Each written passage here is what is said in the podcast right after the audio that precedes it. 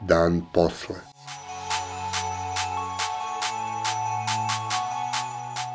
Podcast o krizi i njenim posledicama.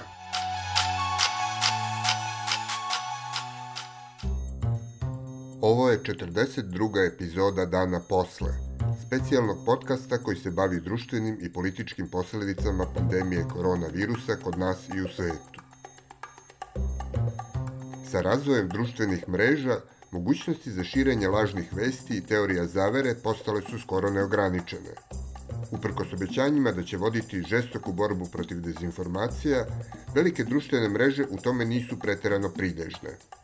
Britanski centar za suzbijanje digitalne mržnje sproveo je istraživanje na 649 postova na Facebooku i Twitteru koji su propagirali teorije zavere o 5G mreži, vakcinama i koronavirusu i pronašao da 90% njih nije uklonjeno i nakon što su ih prijavili.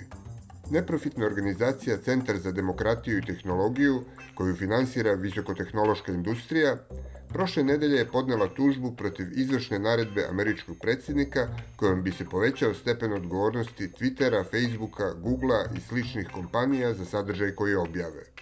U tužbi se navodi da se tom naredbom krši pravo ovih preduzeća na slobodu govora i podsjeća da je naredba usledila u znak odmazde nakon što je Twitter stavio upozorenje na nekoliko Trumpovih tweetova. Zaposleni u Facebooku su se nedavno pobunili i organizovali virtualni štrajk zbog odluke osnivača Marka Zuckerberga da ne sankcioniše zapaljive objave predsjednika na način na koji je to uradio Twitter. Braneći svoj stav, Zuckerberg je Facebook okarakterisao kao instituciju posvećenu slobodi izražavanja i dodao da privatne kompanije ne bi trebalo da budu arbitri istine. Takav biznis model očigledno funkcioniše. Uprkos ekonomskoj krizi, Zuckerberg je za vreme pandemije zaradio više od 12 milijardi dolara, a to je slučaj i sa ostalim njegovim kolegama iz visokotehnološke industrije – Šef Amazona Jeff Bezos je u istom periodu zaradio 59 milijardi i očekuje se da će uskoro postati prvi bilioner u istoriji.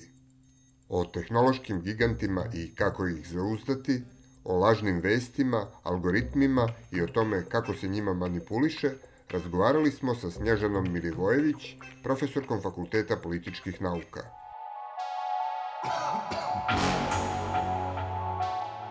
Dan posle.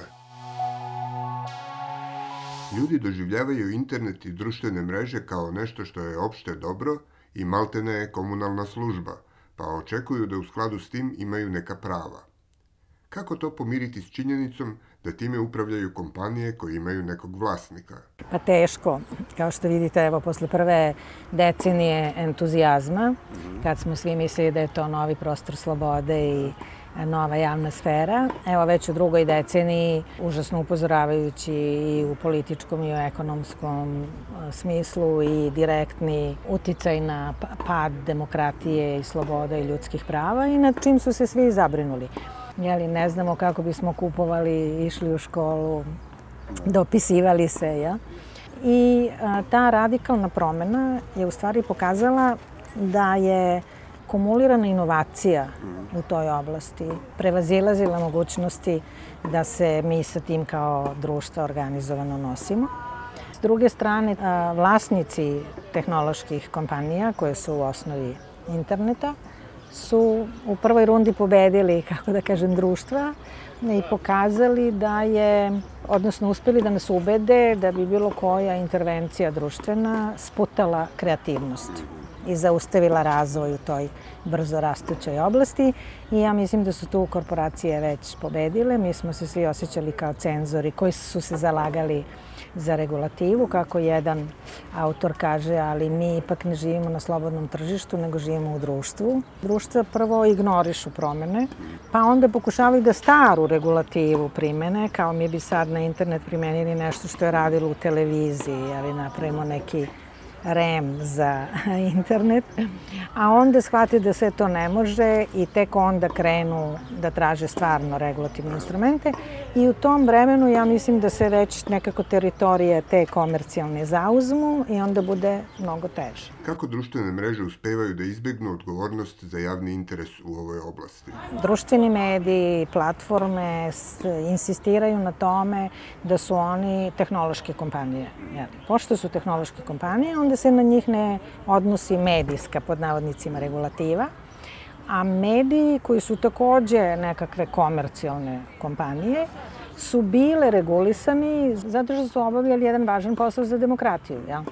I tehnološke kompanije, naravno platforme, ne žele da budu tako čvrsto regulisane. Velike platforme se prave da oni nemaju veze sa sadržajem, ali ubiraju novac od distribucije tog sadržaja. To znači da oni koji proizvode sadržaj ostaju bez novca. I mi smo zadovoljni kupci jer nam je sadržaj besplatan, ali smo nesrećni građani jer je sadržaj sve manje kvalitetan, jer u njega niko ne investira. Sad se već u Evropi o tome priča, priča se i u svetu, jel? Da se sloboda zaštiti, ali da se recimo deo tog novca rekanališe u medije, znači da se kroz neki sistem taksi oni oporezuju za posao koji rade na, pod navodnicima samo distribuciji, a ne proizvodnji, jer oni sada parazitiraju na prodaju tuđeg sadržaja. Ja? I vi kad pogledate, tome je otpor naravno iz tog komercijalnog tehnološkog krila ogroman. A, to uvek ide pod um, riskom cenzura, cenzura, cenzura, ja?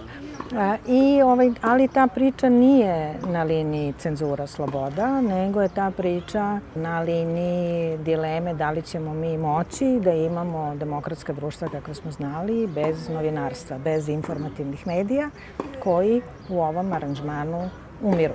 Dakle, javni interes um, sada zavisi od dobre volje pri, vlasnika velikih privatnih korporacija koji ne bi imali razloga da baš naš javni interes stave ispred svog privatnog. Društvene mreže se vade da su samo platforme preko kojih drugi nude sadržaj, ali one imaju algoritme koji određuju koji sadržaj će se prikazivati.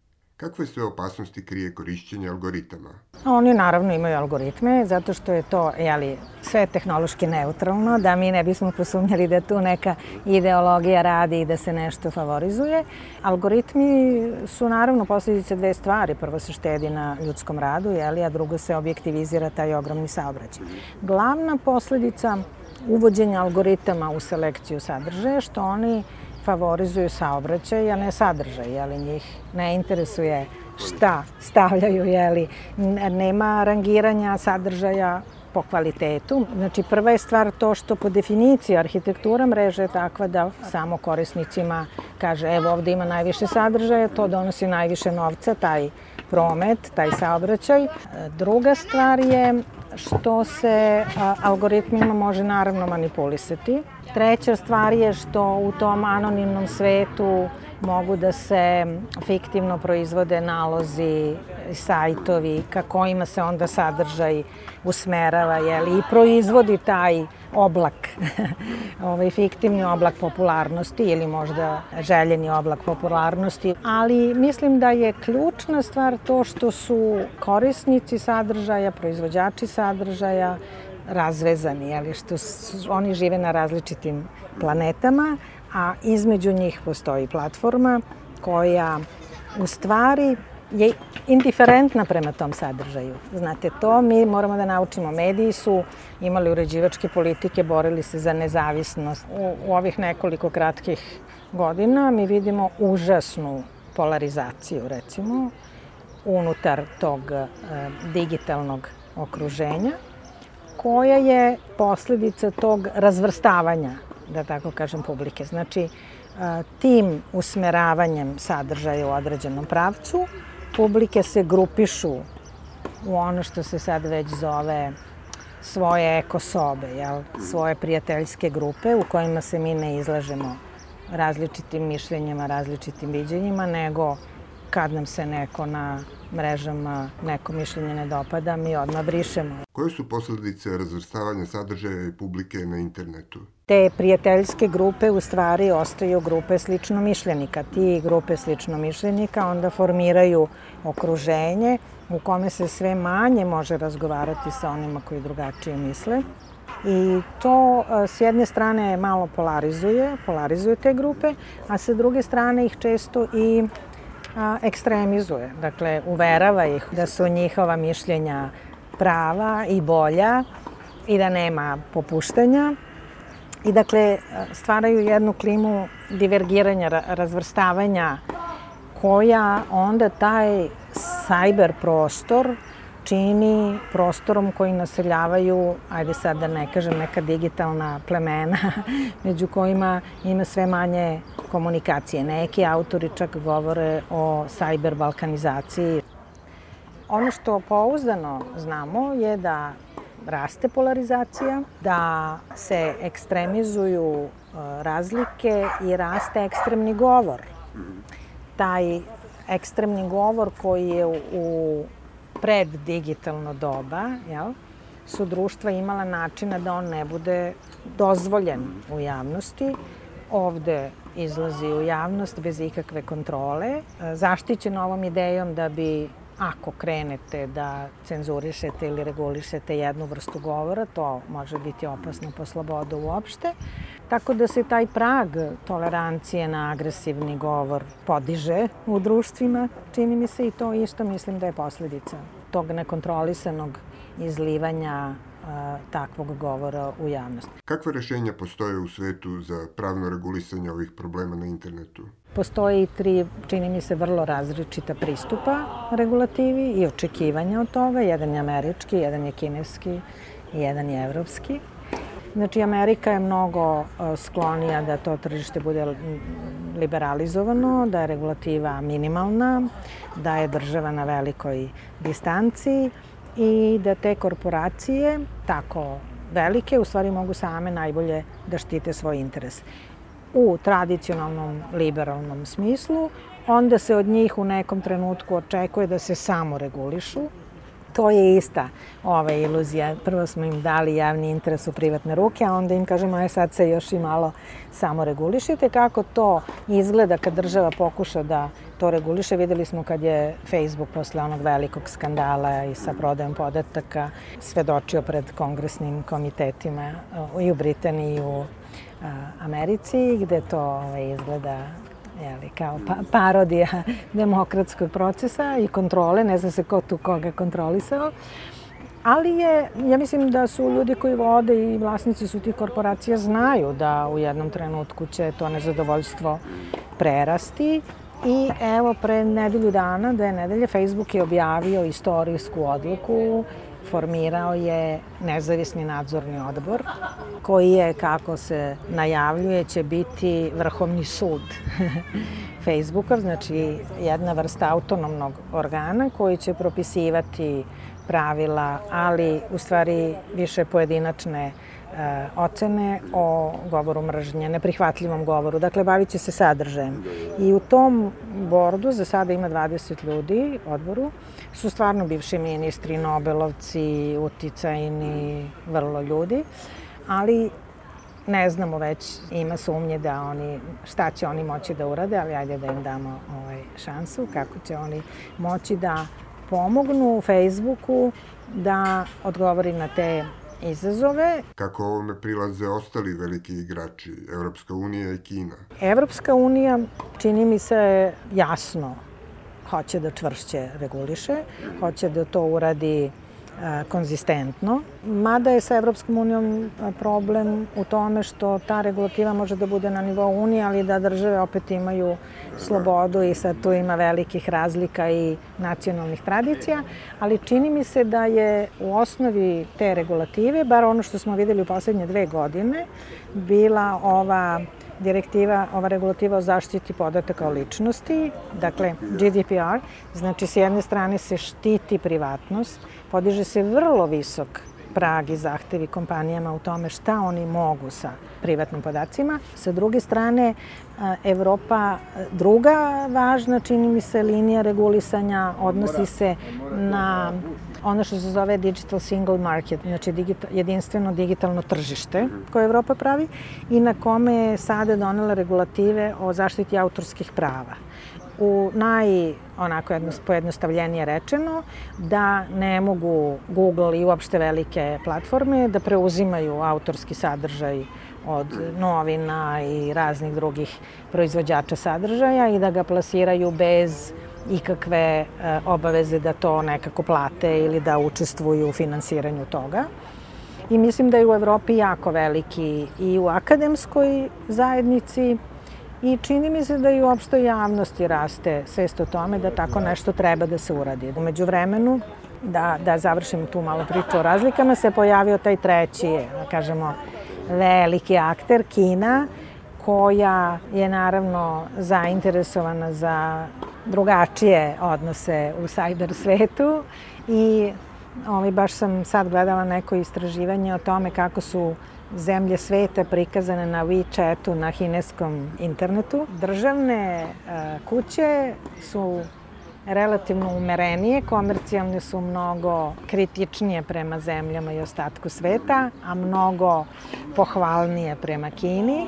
I tu sad vidimo jednu obrnutost koja je karakteristična za autokratije, da tamo navodno preduzetnici i velike komercijalne kompanije čvrsto brane vlast i svrstavaju se pod zastavu, a kineske ideje i regulativa bi u stvari je u mnogim e, no, normativnim stvarima nespojiva sa ovom regulativom Evropske unije, tako da se sad taj e, globalni razgovor, ja mislim, vodi među tim velikim akterima i svima nama koji u tome bi voleli da učestvujemo. Kako se internet koristi u autokratskim državama i društvima?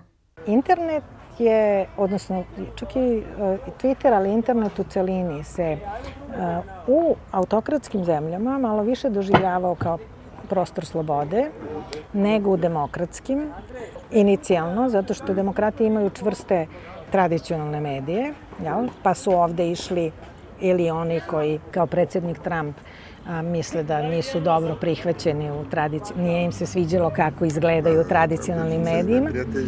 Da. Ili ljudi koji su se bavili nekim bočnim temama, a, a u autokratijama se taj prostor, budući da je bio manje regulisan, doživljavao kao prostor slobode. Međutim, vrlo brzo su se autokrati dočekali na noge i mi danas iz autokratskih zemalja imamo veliku kontrolu ili management tim prostorom. I recimo te uh, armije od 50 centi, ali koliko je bila naravno dnevnica za botovski rad, su gajene na farmama u Kini i u Rusiji. Mnogi tvrde da su ti ruski botovi uh, podrivali, ali američki i britanski britanske izbore, Brexit i sad se spremaju ponovo za američke izbore, upravo zbog te discipline koja za relativno jeftinom radnom snagom može da proizvodi te sajtove sa kojih se ili miroruje ili odašelju poruke. To je outsourcovani posao kao što ovaj Nike traži jeftinije fabrike sa jeftinijom radnom snagom u perifernim zemljama, tako se i ova proizvodnja razmnožava. Sad istraživanja pokazuju da i u demokratskim zemljama građani doživljavaju nosioce javne vlasti kao veliku opasnost po istinu. Jedan od e, kreatora izborne pobede predsednika Trumpa kaže političke partije, demokrate, oni nisu problem. Problem su mediji, a sa njima se radi tako što ih se zasipa džubretom. Zašto je Trump na Twitteru? Predsednik Trump nije otišao na mreže samo zato što je jako vešti, ali nego zato što tu vrstu govora kojim se on služi mediji ne tolerišu u Americi. Za njega nije bilo prostora u javnom govoru. I on je, e, bez obzira što je predsednik države, bio izložen velikoj kritici, ali ta njegova priča o dubokoj državi, o liberalnim medijima, o svemu nesklonom njemu, potiče od toga što on tamo se nije osjećao dobro.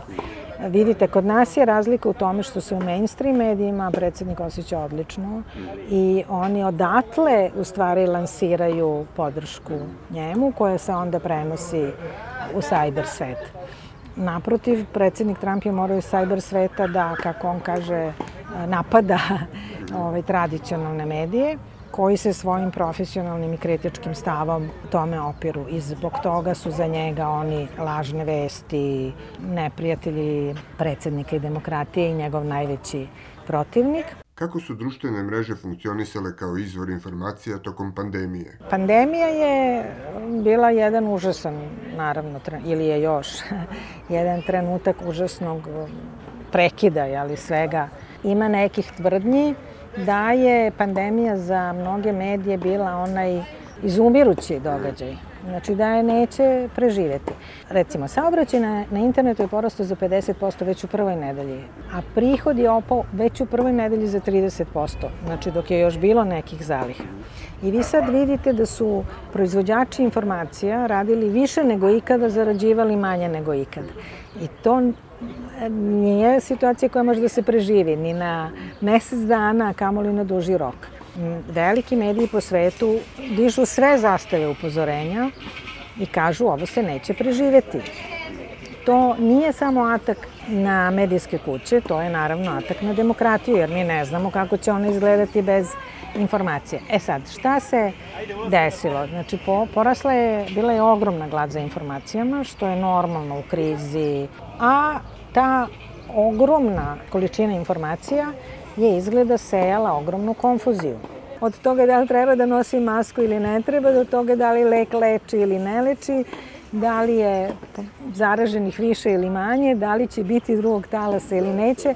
Dakle, ispada da ni na jedno pitanje nemamo odgovora, a konstantno smo bili uključeni u taj tok informacija. Ta arhitektura interneta u kojoj vi u istoj ravni imate ekspertsko mišljenje i antivakserska tumačenja i slike sa letovanja, ozoniranje i lečenje proverenim metodama, je građane doveli u situaciju da ne znaju kome da veruju. Odmah posle, ajde da kažem, ukidanja vanrednog stanja kod nas, ali u mnogim zemljama posle tog smanjenja pika epidemije, registruje se ogromno povlačenje pažnje. Dakle, aktivno izbegavanje informativnih sadržaja, a ovo društvo post istine počiva na pretpostavci ne da istine nema, nego da ona nije važna. Koje vrste lažnih vesti su se najčešće širile tokom pandemije? Prva je bi se odnosila na mito poreklu virusa, I sad tu imate tehnološko krilo, G5 i tako dalje, ljudsku zlobu, Bill Gates, društvenu, da, laboratorije, pušteni iz laboratorija, vakcinarski lobby, farmaceutski lobby, sad tu ima variacija, ali je sve o tome da li je, i uključujući i političko-diplomatsku, da li je izašao iz Wuhana ili iz laboratorije negde na zapadu, pa podmetnut Kini i tu se prvi put i u stvari otvorio rat. A, druga grupa lažnih vesti odnosila se na te suprematističke teorije, da postoje izabrane grupe kojima virus ništa ne može, jer imaju genetsku superiornost, jer ih Bog štiti, jer ih um, njihove predispozicije i dobrota štite. Sad tu takođe ima variacija i, i kod nas je bila uspešno poseđena ovaj, ta teorija. Treća grupa se odnosila to je već u prvoj fazi bilo na, da tako kažem, plašenje virusom kao virus je kao smrt, virus je kao kuga. Sećate se i kod nas je bilo tih naslova. Četvrta grupa se odnosila na čudesni lek, i to isto bilo od rakije, od rakijice do hlorokina i u tome su takođe učestvovali i političari i kvazi doktori, doktori, jel? Znači, mito lažnom leku je bio takođe jedan od... I poslednji je bio talas lažnih vesti vezan za testiranje i tok bolesti. Da li su oni koji i dalje traže vesti tokom pandemije promenili svoje izvore vesti? Sve vreme uh, istraživanja pokazuju čak i kod nas da su ovaj, dominantni izvor vesti i dominantni izvor koji se najviše veruje javne, javne televizije. Znači javno-servisne televizije i to još jednom potvrđuje da se nikako ne bi trebalo igrati sa RTS-om, odnosno ne bi trebalo uložiti sve napore da ta televizija stvarno bude javni servis. Nju obično prate stariji, obrazovani i gledaoci skloni raznovrsnosti, pluralizmu, ali je ona najčešće posećivani izbor i čak i globalno, recimo globalni javni servis kakav je BBC ima globalno veću posećenost nego u vreme kada nema krize. Sa druge strane, poverenje u tradicionalne medije je očuvanije ili je veće. nego poverenje u digitalne medije. Recimo, dobri, šta god to značilo, medijski sajtovi kao ugledni mediji, a, uživaju poverenje čak i do 60%, a društvene mreže ispod 30. To je ogroman jaz u poverenju. Ali je problem u tome što veliki deo populacije, čak dve trećine, više ne pristupa sadržajima direktno, nego pristupa baš preko platforme, znači ili preko društvenih mreža, ili preko pretraživača, ili preko agregatora. Kažu čak u razvijenim zemljama do 70%, mlada publika do 90%. Znači oni ne znaju da vest dolazi sa BBC-a. U Americi, u Britaniji kad pogledate, i dalje dve trećine sadržaja koji kolaju medijima dolaze iz štampanih medija. Znači, štampa je taj medij najozbiljne političke komunikacije. Tamo rade dobri novinari, o, tamo su standardi visoki, tamo se profilisala ta uloga medija da diktiraju teme.